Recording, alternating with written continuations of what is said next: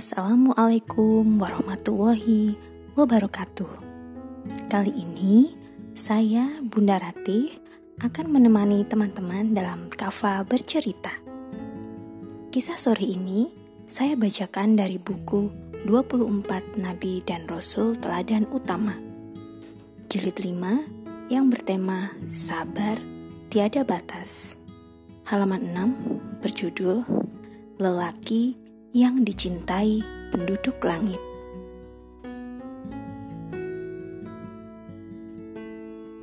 Tidak pernah aku melihat ketaatan seorang manusia melebihi hamba Allah, Ayub. Terdengar ucapan seorang malaikat. Benar, ia adalah seorang mukmin sejati, ahli ibadah yang tekun, dari rezeki yang luas dan harta kekayaan yang diberikan oleh Allah kepadanya, ia memberikan sebagian untuk menolong orang-orang yang memerlukan, membantu fakir miskin.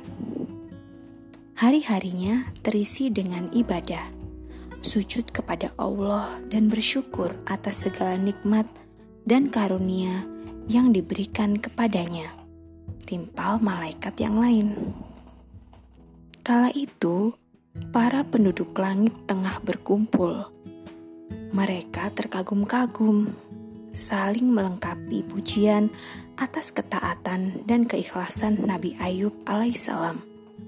Beberapa di antara mereka bahkan menambahkan sifat dan tabiat baik lain yang melekat pada diri Nabi Ayub alaihissalam.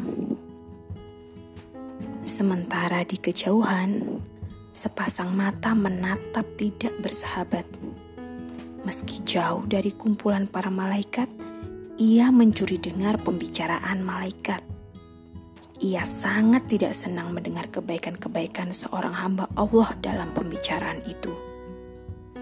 Tak boleh ada seorang manusia pun yang menghabiskan harinya untuk mengingat Allah. Aku bersumpah akan melalaikan Ayub dari Allah gumamnya perlahan. Puji-pujian yang dialamatkan kepada Nabi Ayub alaihissalam sangat dibencinya. Ia diliputi kedengkian mendengar segala sanjungan itu. Ia tidak rela seorang hamba taat kepada Tuhannya, sebab ia telah bersumpah untuk melenakan setiap manusia dari penciptanya ia telah berjanji untuk menyesatkan anak cucu Nabi Adam alaihissalam dari petunjuk Allah Subhanahu wa taala. Bergegas ia menjauhi kumpulan itu. Tujuannya hanya satu, menghadap Allah Subhanahu wa taala. Memohon izin untuk menggoda Nabi Ayub alaihissalam. Siapakah pemilik hati yang selalu disisipi rasa dengki itu? Apakah Allah Subhanahu wa taala akan mengabulkan permohonan menggoda Nabi Ayub alaihissalam? Tunggu ceritanya besok sore ya. Assalamualaikum warahmatullahi wabarakatuh.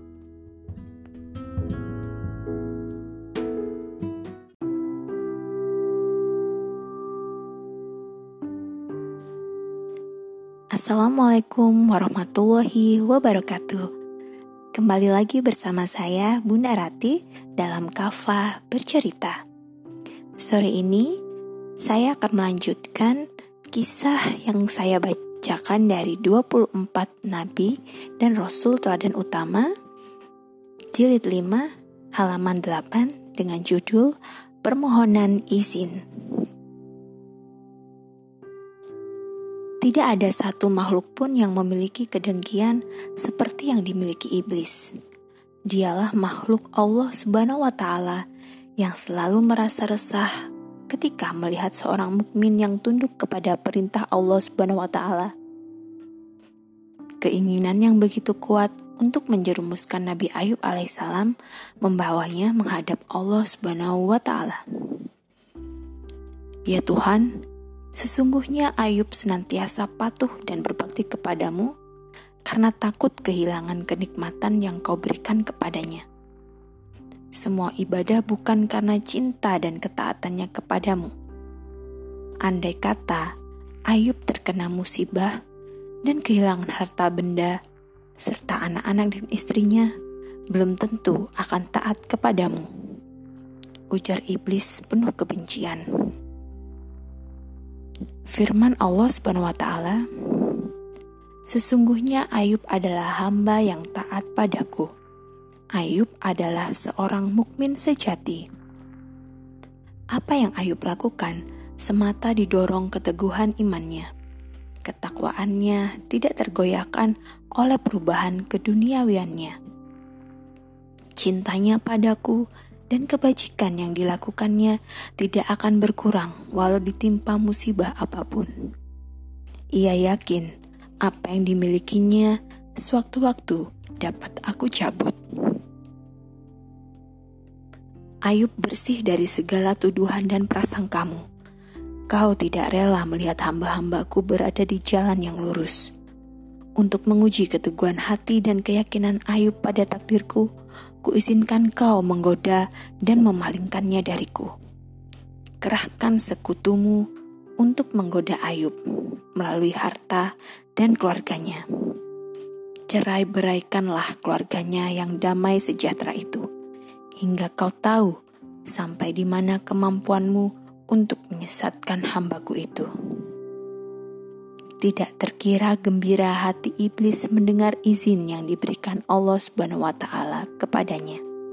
Ia yakin kemampuan yang dimilikinya dapat membuat Nabi Ayub alaihissalam berpaling dari ketakwaannya sehingga sedikit demi sedikit ia mampu membawa Nabi Ayub alaihissalam ke dalam jurang kesesatan. Tanpa berpikir panjang, iblis segera menyusun rencana awal guna meruntuhkan keimanan Nabi Ayub alaihissalam. Rencana seperti apakah yang ia persiapkan guna memperdayai Nabi Allah yang taat itu? Tunggu kisah selanjutnya besok sore ya. Assalamualaikum warahmatullahi wabarakatuh.